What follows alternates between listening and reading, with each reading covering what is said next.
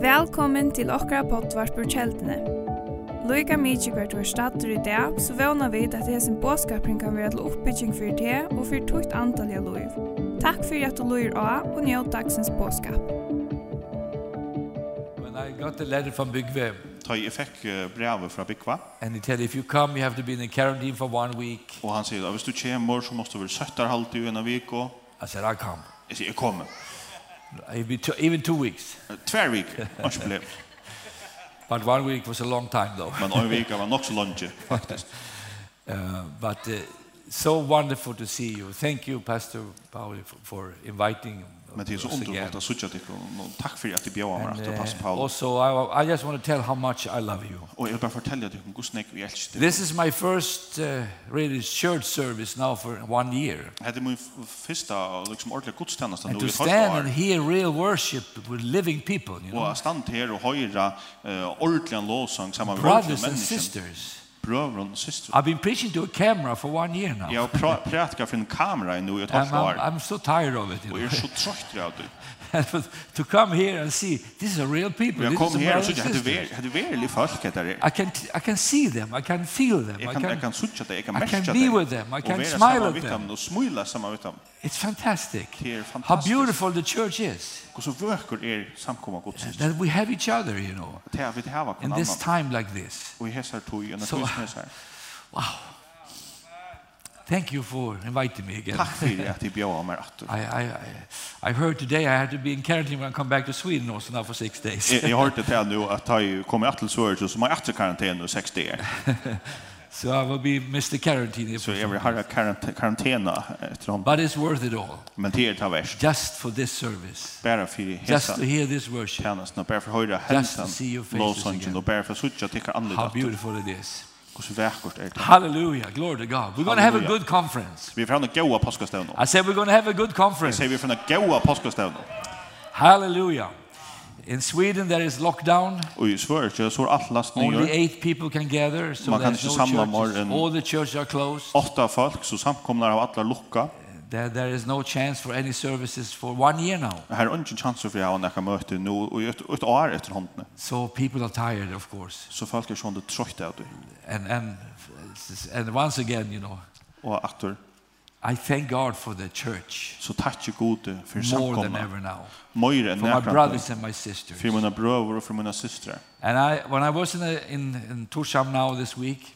Nu tar jag vart Torshamn i Vikne. I had never been there before really. Jag har faktiskt onkat ordentligt varit där. It was first time I was there and I really got to know it. I watched it every night. I prayed for it and Och jag sa liksom motivet på en kvarskvall typ I know exactly when the times the ferries are coming in and when they're leaving. Och och är liksom då det efter hand åtta natt när färjorna kom och när det färjor då.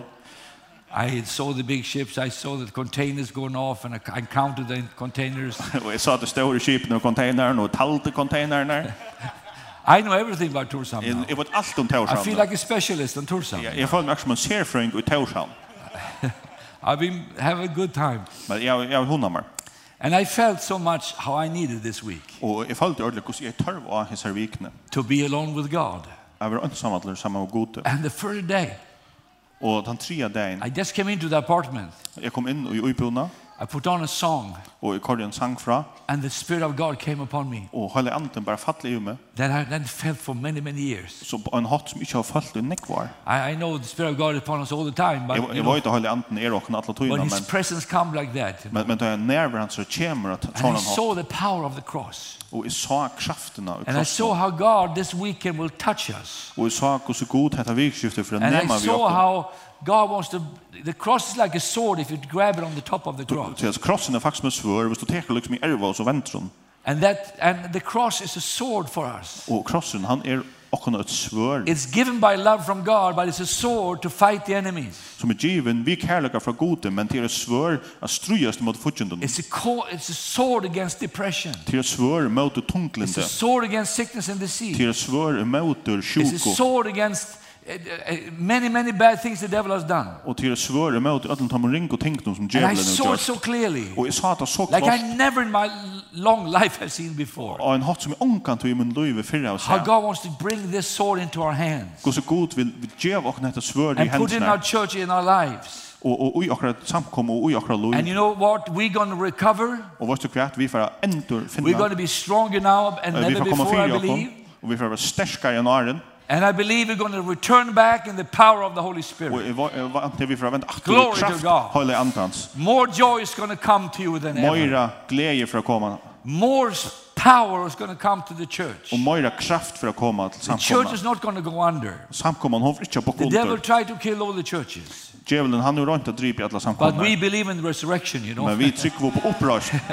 we believe there's a power of a resurrection of Jesus Christ. Att det är en upprörsna kraft för Jesus. And we know that when we get to know him and his resurrection power. Och vi vet att vi kommer känna han och hans upprörsna kraft. Things who has been dead will rise again. Så för ting som var döda över livet i after. Halleluja.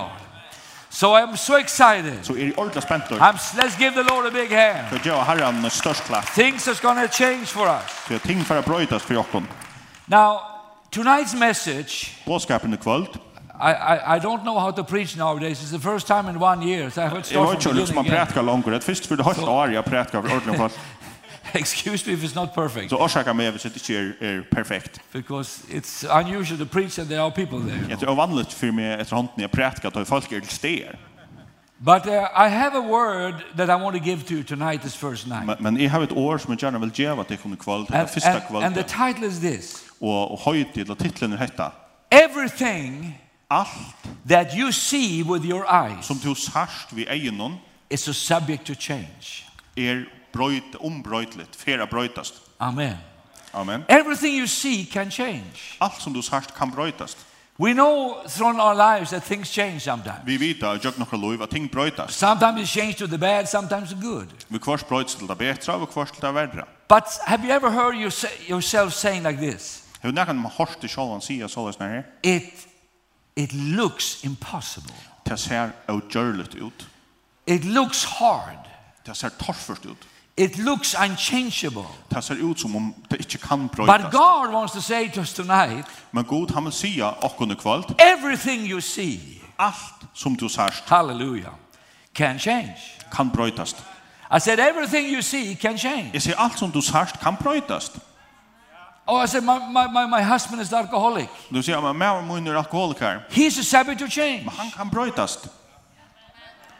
My mother don't want to go to church. Mamma mun vill komma via möte. That's a sabbath to change. Här kan brötas. Revival can never come to Faroe Islands. Vägen kan omkan komma varjon. That's a sabbath to change. Här kan brötas.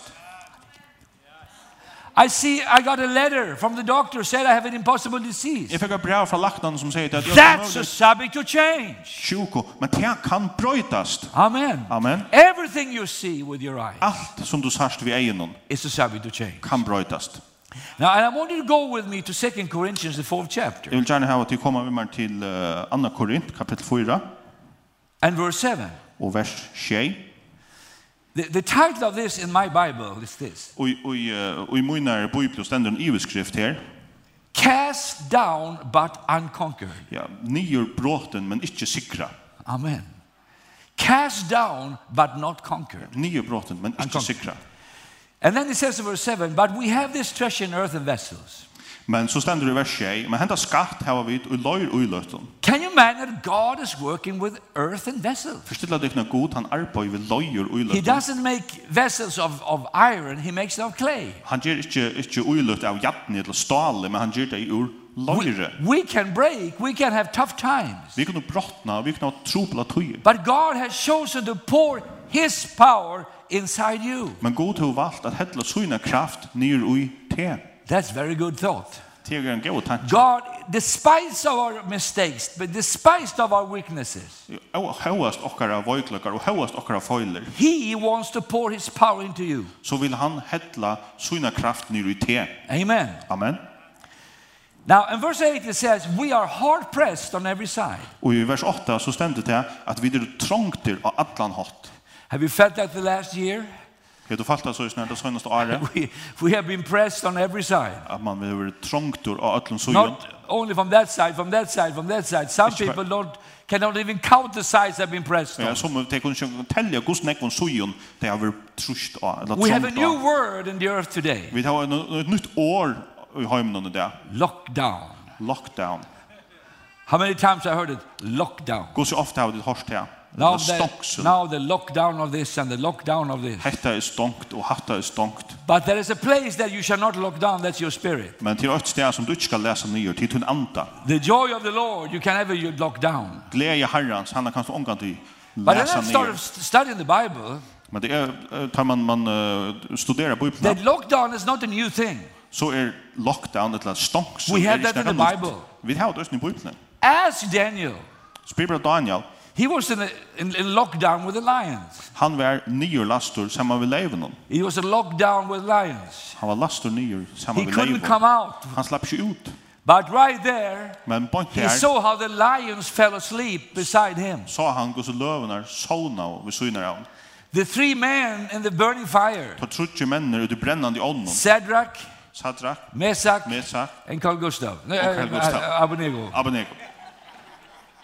Three men. Trutje menn. In the burning fire. Ui, til brennande ånden.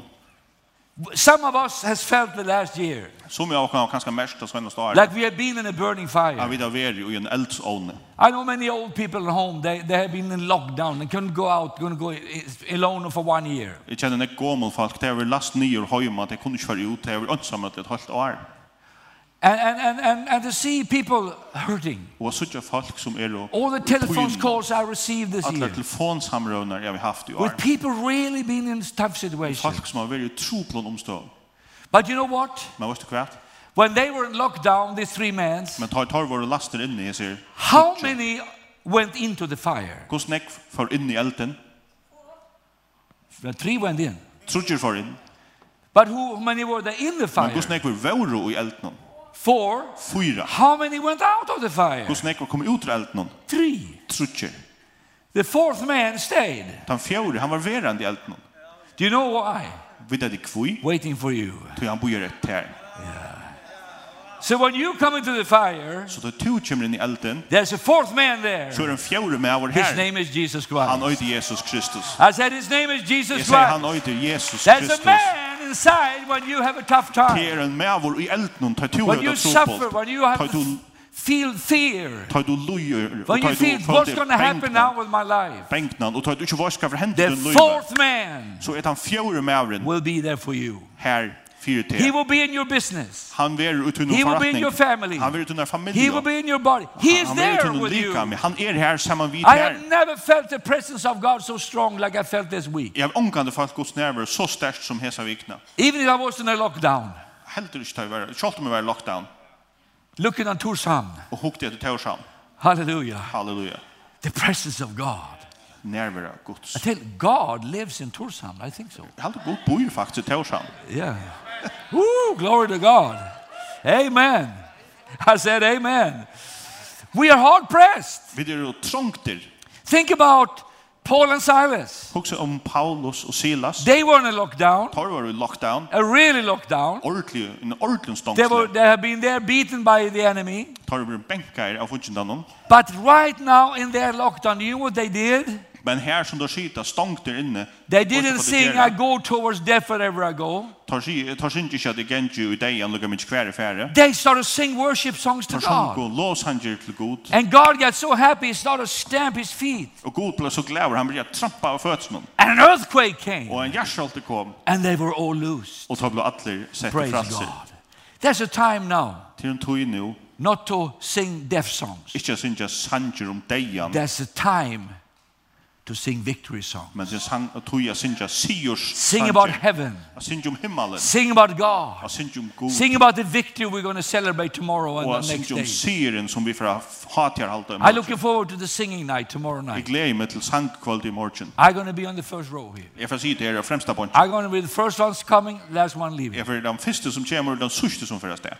It's unique you have in Faroe Islands. Det är fantastiskt unikt som det har här i Faroe You love to sing here. Det älskar syngja. We're going to sing away the devil from Pharaoh. Vi ska synja djävulen burstur ur We're going to sing away demon powers. Syngja burstur demon. I was in the Soviet Union.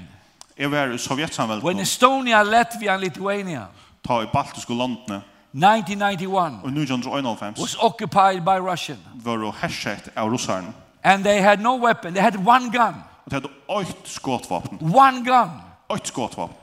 And the Russians were with big tanks. Och ryssarna kom med stora tankar. I was there, I saw the tanks. Jag var där och såg stridsvagnarna komma. But you know what the people of Lithuania did? Men vad ska faktiskt i Litauen They started sing. De sung. They started sing and they sang and on the squares they sang everywhere. Och det torch någon och alla stannas. And they in Estonia 300,000 people gathered. Och i Estland där samlas 300,000. And they started sing. Och de började sjunga. About God. About the freedom. Och frälse. And you what happened? Og vad ska hända? Three days later I was also there that day. Trudja det er sjutton. Jag var ösnär tandain. The Russians left. Så rumtor russarna. I saw with my own eyes. Jag såg med min egna ögon. When they tear down the Lenin. Tar skratt och ner standmenten av Lenin. In Riga. I came one minute after. Jag kom en minut efter honom. And I saw for the first time. Och såg för första gången. That man has been threatening and threatening and threatening the people of God. Det som är han har högt och högt folk Guds och hesa chow. Laid on the floor. Han la her av gulven. His hand was like this. Hånden hun var såløs. I think he said. Jeg hadde han sier. I give up. Jeg gjør up. he laid like this. Han la såløs. Because when he stood up, he stood like this. And he stod oppe, standbenden, så stod han såløs. But no, he was there on his back. Men nu la han her i rytjen. And I couldn't believe, is this what I'm, did I see the whole Soviet Union fall down? Så er alt Sovjetsamhället som det var I saw it with my own hands. Jeg så det med min egna øyne. I didn't see with my own hands. Jeg sa ikke hånden, handen, så vi egen. I saw, I mean, you, not good preaching now, but it'll be better tomorrow. Det går ikke veldig att prata jo. Det er bedre i morgen. That's a miracle to see with your hands. Det er ett mirakel, hvis man ser vi händerna. I saw in my eyes. Jeg så av munnen eion. Lenin. Lenin. Falling down. Fall nyur. I saw KGB. Jeg så KGB. KGB betyder in Swedish Carl Gustav bestämmer. det betyder svenskene Carl Gustav bestämmer. KGB. KGB. I saw the KGB people in in in Lithuania. Jeg så KGB folkene her. In the city of Vilnius. Og i Vilnius. Running away. Som rymte til rundt og bort. With paper under their arms. Vi atlon dokumenten under armen. And the tanks running away. Og stridsvognene som rymte. There was no weapons there. Her var ikke våpen. But there was people who sang. Men her var folk som sung. And worshiped God. Og tilbe Gud. I saw old men. Jeg så crying with tears as they lifted their hands. Og lyfte hendur sina. I talked with the president of Lithuania. Eg tog við forsetan försidan Litava. And we said to him. Og vi sa då. Many big nations come against small nations. At nästa stor land kommer mot liten London. But sometimes we have seen small nations rise up and defeat big nations. Men vi först har sett liten land som rösast og vinna av de stora landen. And that president said to me. Og at han forsetan han säger med. You know, you know. Vad kvært. That's our only hope right now. Till vår enaste vän på ett nu. Is God. Til Gud. We lift our hands to God. We sing to God. Vi lyfter våra hendur til Gud så vi synger til Gud. Look at my office. There are pictures of Jesus everywhere. Hick i mina kontor her er det mindre av Jesus i alla stans. We came out on the streets. Vi kom ut av götnar. And then we saw the a few days later. Och när det är sjutton så såg vi. Every tank left Estonia, Lithuania and Latvia. Alla stridsvagnar som ryssarna var för ur de baltiska länderna. No blood was shed. Och inte blod var ut. They left without anybody hunting them. Tar för utan att näkar reaktor ut. Amen. Amen. That tells me something.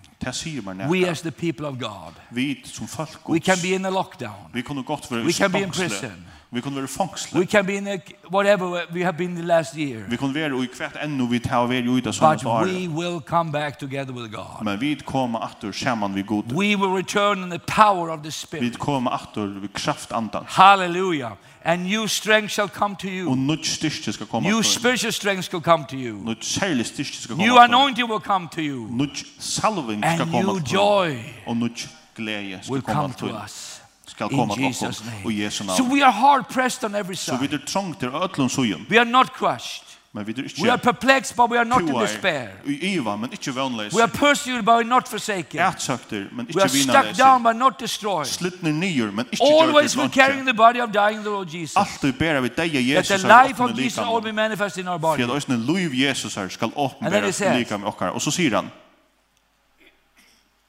Therefore we speak in verse 13.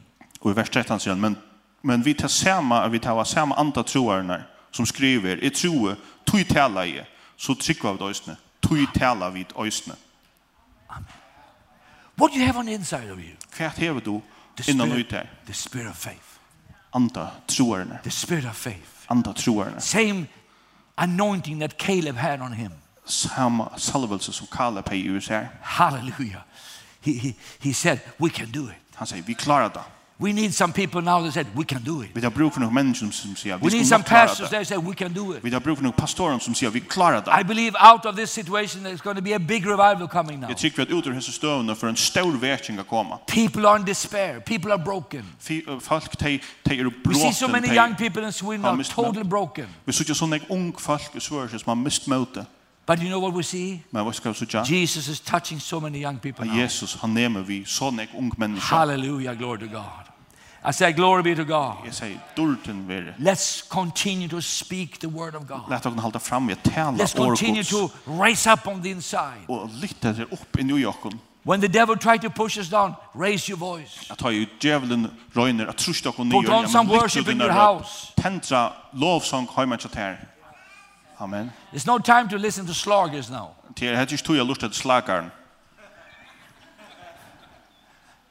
It's time for worship now. Det tog til lovsang. I said it's time to do what we did here before. Jeg sier det tog til at gjøre det som vi gjør her på Oh, I have missed this. Ja, jag har sagt detta. How beautiful it is to hear people worshiping God. Det är så vackert att höra folk att att tillbe And to meet brothers and sisters. Och möta bröder Because we have the same spirit of faith. Så jag vet att han samma anda tro. So out of your spirit. Så ut ur din anda. And then Paul says. Och så säger Paulus. This is my message. Och hette min budskap. verse 16. Och i vers 16. Therefore.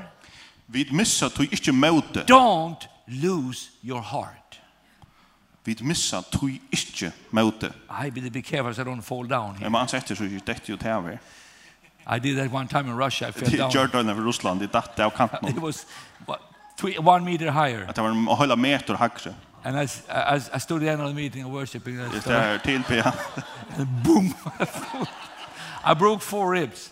I bröt fyra ribben på. I could have died. Good to døy.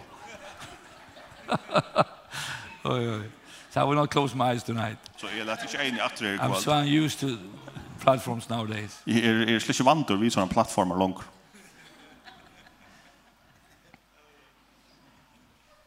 But don't lose your heart. Miss tui ikkje møte. Don't lose your courage. Miss tui ikkje dirve. Be of good courage today. Have gott møte her i dag. Amen. Hallelujah.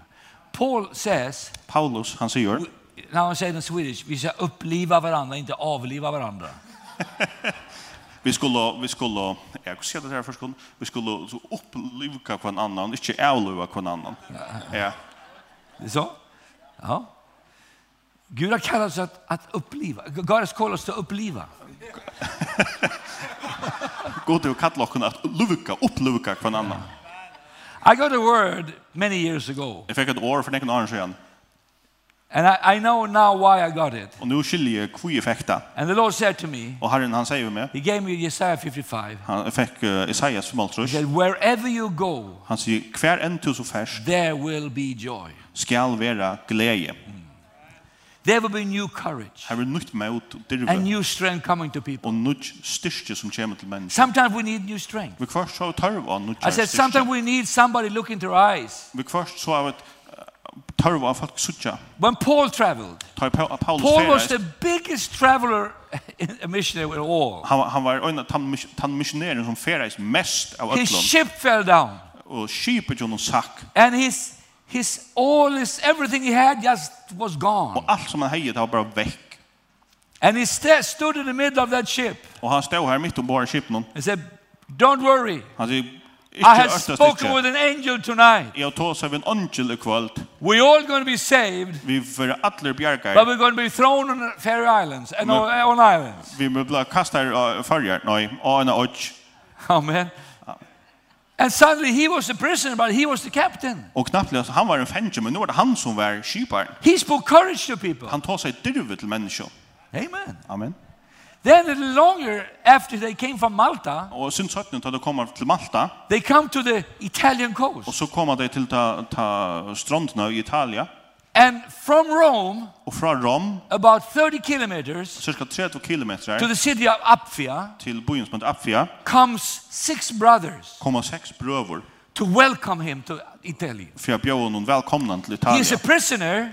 Han är en fängelse. He has gone through the hardest of the hardest. Och han är varit genom torfara He had spoken strength to everybody. Og han har tåsa styrst vi öll som And whole island was on the healing power. Og, og en, en hel öll kom under grøande. And then he comes to Italy. Og så kommer han til Italia. And there stand some brothers. Og her stand han nekker brøver. They didn't have big signs. Paul, welcome to Italy. Tar du snakka stor skält där det står Paulus, välkommen till Italien. No loudspeakers. Och onkar hatalar. Just some hands. Bara några män som vinkar. The Bible says. Men Bibeln säger. When he saw the brothers, han sa brødrene, he got new strength. Så fikk han nødja styrke. He got new strength. Så fikk han nødja styrke. I hope. I vevner. That this weekend. At dette vikeskiftet. You get new strength. For to å få nutja styrkja. That your spiritual power will be strengthened. At du andliga kraft blir styrkt. That your inner man will be filled of the Holy Spirit more than ever. Att din människa blir fyllt vid halva andans kraft. And the cross will be more alive than ever in our life. Og Och krossen blir mer livande än näkran du i livet nokkar. I mean, have you met people and you feel when you meet them, you got new courage? Har du fått näkra mest at du møter mennesken og du följt at du møter dem så var så nytt dirve? Sometimes I met people and I lose my courage. Og kvar så møter jeg folk jo misse mot dirve. Not on Faroe Islands though. Ikke i Farjon, allukava. Now, I've been in the world, where I lost my cash. I'll meet some people. Men, men jag vet som någonstans i hemmen, den här missar mot dig på mötet. So I pray to God that I will not be a person that people lose the courage when they see me. Så så jag ber till Gud att folk inte skulle missa mötet att de möter mer, missa dig. I think that's one number one ingredient we need today in the body of Christ. Jag hade det hade nästan så där bruk för i likam Kristus så där. Courage. Dirve. Courage. Dirve. Even if the outward man is perishing. Skolt om Yet the inward man is renewed by the, day by day. For verse 17. Okay. For our light affliction. Du trångt okkara som er stokkot og løtt. Does that say light in your? Løtt. Løtt. Løtt. Løtt. Løtt. Løtt. Løtt. Løtt. That's how God looks upon it. Det er så godt det. The hardness you have now til trobløkene som du har nå? Lett. Lett. I have difficult problems. Jeg har tropla omstøver. Hva sier? Lett? Hva sier? Lett. Oh God. If you were my shoes. Hvis du var som minusgående. Lett. Lett. Lett. God is not taken by surprise. God han han vill ju överraska. Amen. Amen. I never said that before in my life. That was good. Jag har sagt det förr. Hade ordentligt. I have to write that down. Jag måste skriva det ner någonstans. Write that down to be exact. Jag vill skriva till det är ner någonstans. So I can get that paper later. Så jag kan få det. God will never be taken. God said, Oh, oi, oi, oi, oi. God, han har ångat det bilsen och säger, oh, hetta är ju sjuksom. God knew about the corona. God, han visste om corona.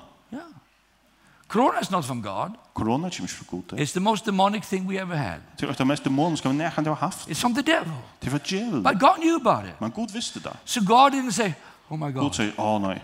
Oh my God. Say, oh my God either. Han kanske gång säger, oh my God.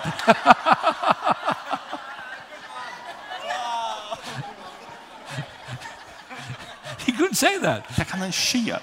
He could say, oi, oi, oi, what we're going to do now? Corona is coming. Vad skulle vi göra nu? Corona kommer. What a surprise. Sicken ett överraskelse. No God knew about this. Men God, God han visste om det. And God has a way for us out of it. Og han har en vei ut ur det. God is using people to help us out also of course. God han brukar människor hjälpa kon. But I can tell you one thing. Men jag kan se att det är åt. God has a way out. God hever en vei ut ur oss. Amen. Amen. Because here it says our light affliction. Til okkara trångt som är stockot och lött løtt. Which is just for a moment. Hon er stokkot. Hon er bæra fyrir stutt tøyerskøy. Halleluja. Hva sier det seg? Stokkot. Stokkot? Stokkot. Stokkot. Løtt stokkot. Stokkot og løtt. Amen. It's not forever. Det er ikke alle er over. Sometimes we think when we have some problems. Vi kvar så halda vi tar vi då troblagar. Oh, this is forever. Hetta slepp i onkan på sjura. Tvätta vi. But God says. Men god säger. For a moment. Vi ett bil. There's a time. Till en tui. But every tunnel I I went through this new tunnel today. If I were jocked into the new tunnel dit här. Fantastic. fantastisk. I thought I will end up in hell. It was going down so long down. Jag helt att det får lucka ner till ett men men They will never come up of this place. Och helt det kommer ånga upp att rörs ner. Och så fan går hon där and den. Oh, it's going very deep. Vi kommer bara långt och långt ner också. Alltså för det är jävligt djupt. Wow, like this. Och så upp att But in the end. Men till sist. I saw the light. Så sa jag ljuset. It was over. Det var liot. The water covered me, but it was over. Det var liot. Jag var kommit upp. Jonah was in the lockdown. Jonas, han var just nu i lockdown. In the fish. In the fish. But he came out. Men han kom ut efter. God spit the, the, the fish spit it him out. Fisken han spui han ut. Amen. Amen. I said amen. Say amen. But it says it's light of it is just for a moment. Det är det stockot. It's just it's not forever. Have you ever heard this word? Uh, I was 14 one time. Hade den har sett alltså jag var 14 og en affär. Everybody's been 14 one time. I love you 14 på ett tidspunkt. And the doctor told me when I had headache. Och lakten säger mig att jag har på nå. You have migraine. Du har migraine. Okay? Okay? And, he, and, and then he used a word for it. Och så brukte han ett ord för det. And I don't remember the word exactly he said. Jag minns inte vilka ord som han brukte. Uh, well, what do you say? What, it's chronic. Det är kroniskt. Alltså därför att blåa vi och vara konstant. Oh Mr. Doctor, what is that? Och herre doktor, vad betyder det? You will have it for the rest of your life. Ja, det betyder att du får ha det resten av ditt liv. I say thank you for your encouragement. Jag säger tack för din uppmuntran. I found out chronic is demonic. Jag har funnit att kroniskt är demoniskt. It doesn't have to be for the rest of your life. Det behöver inte være resten av din liv. When I was 26 years later I was healed. Jag var var 26 år sedan tog jag. I don't have a headache now for 45 years. Jag har haft ilt i hatten nu i 45 år. I'm so happy for that. Og jeg er så glad över om det. It was so hard every week I had that. Tog det var så sträv varje vik och hej heta. This is had to lay in a dark room and it was terrible. Jag låg i en mörk rum och det var förfärligt. I hear the voice of in a The rest of your life you're going to lay here. Och jag hörde så rötterna för mig. Så är det One day God heal me. I'm so happy. Resten av livet, men en dag så grötte god med. I believe this weekend. Ett tycker vi hetta vi People will heal people. God will heal God will heal people. God groa människor. God will heal people. God will heal your body. God för groa människor. There's a healing anointing already now in the first service I feel it. Att här är en en en groa. God wants to remove fear. God han från fjärna. God wants to remove discouragement from you. Och motlöse från dig. Be of good courage. Ver how gott mod. Say to your neighbor sits beside you, be of good courage. See when I begin see how gott mod. Hallelujah. Hallelujah. I said hallelujah, glory to God. Thank God for our friends. Tack god för jag. We are called to spread courage today. Du vill kalla i att bröja ut dirve och Don't spread fear. Bröja ut ötta. Over corona. Om corona. Don't spread conspiration theories. Etla samansvärjiga teorier. Spread the gospel brøy ut gledebåskapen. Spread the gospel of Jesus Christ. Gledebåskapen om Jesus Kristus. We are called Christus. to give peace. Vi du kalla i å komme med frie. When the first disciples. Ta det første lærersvennene. How do you feel they felt on the day of resurrection? Kusse tryck vad det att ha då han där inte Jesus. Everything I've lived for was gone. Allt som det du lever för var bort. Jesus was dead. Jesus var död. And you know what they were? Och vad ska tar var då? They were in in Norwegian translation said innanför lucket i dörrar tar attan för lastar dyr. They were in a lockdown. Tar var i lockdown. Instängda. Innestångter. Innestångter, ja. Innestångter. Ja. On the third day, on the day of resurrection. Upprösnar dagen. And then Jesus comes. Og så kommer Jesus. And he goes right through the wall. Og han går på en tjock någon väggen. Like internet. Akkurat som internet. right He was standing there. Knappt så var han bara här. Alive. Livande. And if he had come and said to him like this. Och han som kom och sagt det så säger. Bö, bö. They would have died. Så då dog. And we had to bury the first Christians. Och här var första kristna. I didn't say. Oh. Och så sa du inte. A virus will come to you. Oh, ett virus kommer and destroy your future. Och lägga till en framtid. No. No. He didn't say that. Det säger han inte. You know what his words was? Vad ska han säga? Peace be unto you. Frior vere vi tyckon. Peace be unto you. Frior vere vi tyckon. And that's the word God has for us these three days. Och det är det året som Gud hever till oss hesa trudja Peace, courage, strength frior, mot og styrke. And joy in the Holy Ghost. Og glede og i høyla andan. Let us rejoice this Let day. Let oss gledast. Amen. Amen. Because we don't look at the things which are seen the Bible says. Vi hittar inte att tänka som det er och ser på ibland. But we look at the things that are not seen. Men vi hittar till tog som ikke er. For the things that are seen are temporary. Tog at det som vi sutja er firebils. Everybody say temporary. See at firebils. Hallelujah. Halleluja. They are just for a while. Det. They're not forever. Men. They're not chronic. Det. Amen. Amen. I said amen. You say amen. There is joy in the Holy Ghost. Det i There is strength in the Holy Ghost. Och i And when you believe in Jesus. Du Jesus. When you believe in his resurrection power. Och hans kraft. Ooh, God will move on your life. Så fer god God will take away depression. Han får ta bort ur. Amen. Amen. Hallelujah. Hallelujah. Ja, sister, praise God. you will have a joyful night. Du får alldeles stått litt glede i kväll. Hope you can sleep tonight. Vånande sommaren kväll. Amen. Amen. But you know what? Men vad står I tell you. Men jeg skal si se der. This is so real for me right now. Det är så verligt for meg på et nå. That if you are not careful. Hvis du ikke ansar etter. You can go into fear. Så kan du fer ut i And depression. Og tunglende.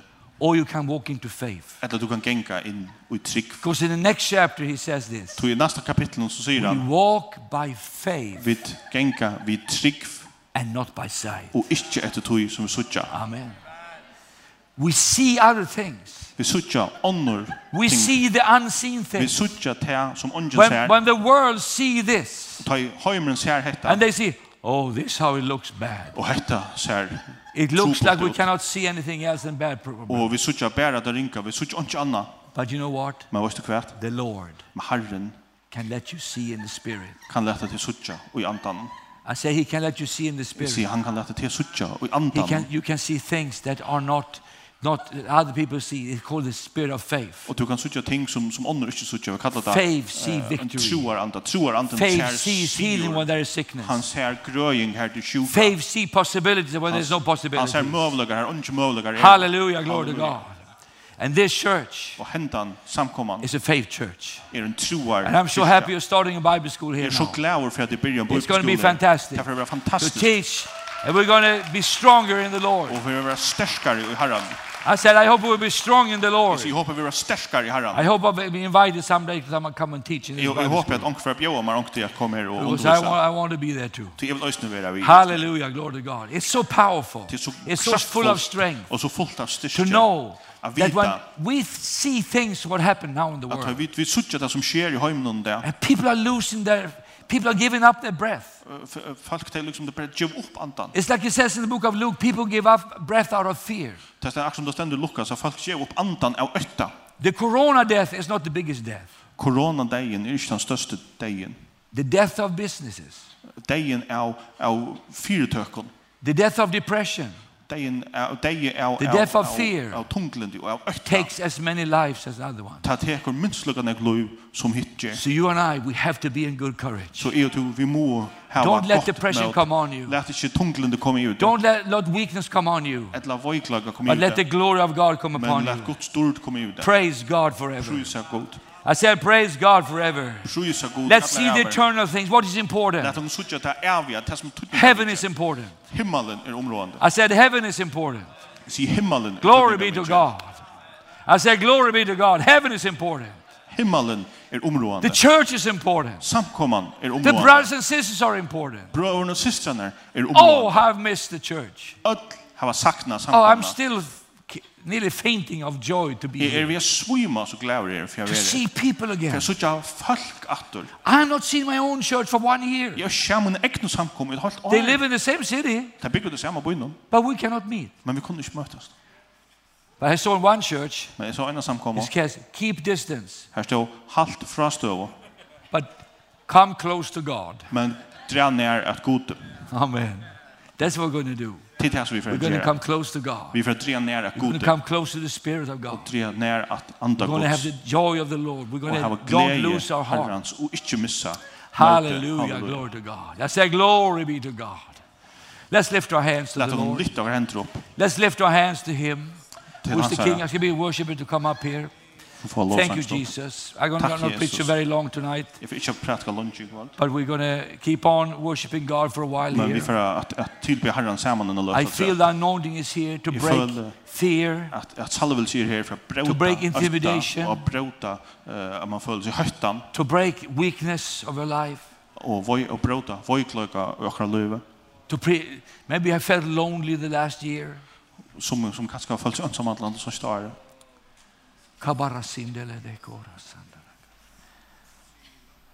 My mother-in-law, sviger mamma mun. she turned 94 today. Hon blev 94 år i det. Yeah. And she was so happy. Och hon var så glad. Because she loves the Lord. Tror hon älskar Herren. She has been in her apartment for one year now. Hon är väl i lägenheten just nu. But now she get her second shot. Men nu har hon finnit ju vaccin nummer 2. So she is running out on the street again now. Så hon ränner ut i vägen och. But she has been every day nearly. Men hon är väl kvön. Outside the church. Utanför samkombyggnaden. Cleaning from dirt on the parking place. Och och teach upp på rotta ute på parkeringsplatsen. But she loved the church. Tog hon älskar samkombyggnaden. She's been in the cafeteria serving Hon har varit i kafeterian och tant. With sandwiches. sandwicher Until one year ago. Till för en år sedan. She said the young people don't know how to make a sandwich. Hon säger att det är unga folk som inte tror jag kan göra något. I quit, she said. Jag ser upp sig. But to see her worshiping God in her apartment. Jag såg henne tillbe Jesus. I've come up and visited her last week. I went there when we... Jag får vidja henne sista veckan.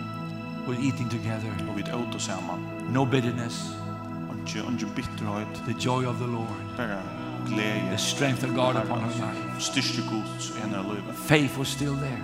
Tryggven var än här. The Bible says. Bibeln hon säger. I run my race. Att jag renner skoj mot.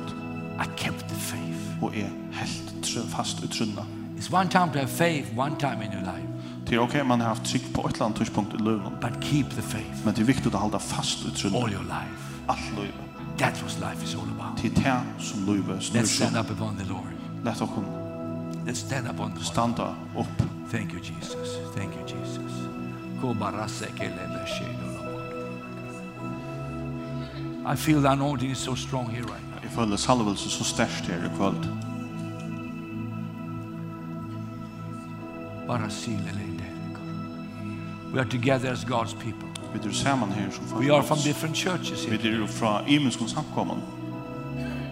But that is one thing I it doesn't matter anything for God. Men til lukka mykje innanfor God. We are his people. If you have not invited Jesus in your heart, you can invite Jesus right now. Hvis du ikke har bjør Jesus, og du say Jesus, come into my heart. Så Jesus, kom inn i min hjerte.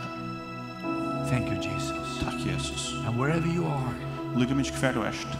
Don't lose your heart. Miss ikke møte light affliction. Hendan er latta og stokkota. Lagt og stokkot. Is for a moment. Det er bare i et øyeblikk. Amen. Amen. Corona will not stay forever. Corona vil ikke være i alle But Jesus will stay forever. Men Jesus vil være i alle Amen. Thank you, Jesus. Koramarabasana. Father, we pray right now. Father, we be up our butt now all the people of God in this place. At Guds folk og hesson stær. If you need prayer right tonight. Hvis du har bruk for forbøn i kvall. Maybe you have felt fear, you have felt anxiety. Kanskje du har felt, felt øtta. Fear in your life. Og din løyve. Torment. Pyn og mødstå. Just raise your hand if you need prayer. Så bare litt hånden hans du har tørv av bøn. God bless you. God bless you. God bless you. God bless. God bless you. God bless. God bless. Maybe you're home in your home watching this by internet. Kanske du har hemma och du the Lord is coming to you right now. Herren han kommer till din now Han removing fear. Han fjärnar He brings courage into your life. Han kommer att vi mod. He brings strength into your life. Styrka ut ditt liv. He brings anointing into your life. Salvelse ut ditt liv. He brings joy into your life. Han kommer glädje. In Jesus name. Father we thank you right now. fer vi takka dig for the Holy Spirit. För hela andan. We thank you Lord for the holy holy holy spirit. Vi tackar dig för hela hela andan coming to us. Som kommer til oss. Father, we thank you right now. Vi tackar dig för point nu. Even we are pressed. Sjalt om vi är. On every side. Og öllum sugen. We are not crushed. Så er vi inte. Even if we are perplexed, we are not in despair. Sjalt om vi är mist melta. But even if we are persecuted, we are not forsaken by you. Sjalt om vi är förfylld, så vi. Even if we are struck down, we are not destroyed. Og sjalt om vi är slien ner, så är vi inte lagt i. Hallelujah. Maybe you feel you was knocked down. Kanske du följde nio slutna. Like in a boxing match. Akkurat som i en boxekamp. But you are not knocked out yet. Men du är inte slien ut. Amen. Amen. You're going to come back. Du får komma åter. In the power of the Spirit. Och i kraft andans. Kom bara till det. Father, thank you for removing fear right now. Fær, jeg takkar for at du tekur bort ætta. Thank you for removing anxiety. At du tekur bort ætta folk, tei stura. And thank you Lord for new ways. Tastar fyrir at du new strength, nutja vei, nutja styrkja, a new era, a new season, Lord, for the body of Christ. Ha ha, kom barila ha, se. Oh, thank you, Lord, for new, fresh things in Faroe Islands. Tastar fyrir nutja frusk ting i you A wave of the Spirit over this island. The weight of the word of God will be preached and proclaimed in Jesus name. Och i Jesu namn.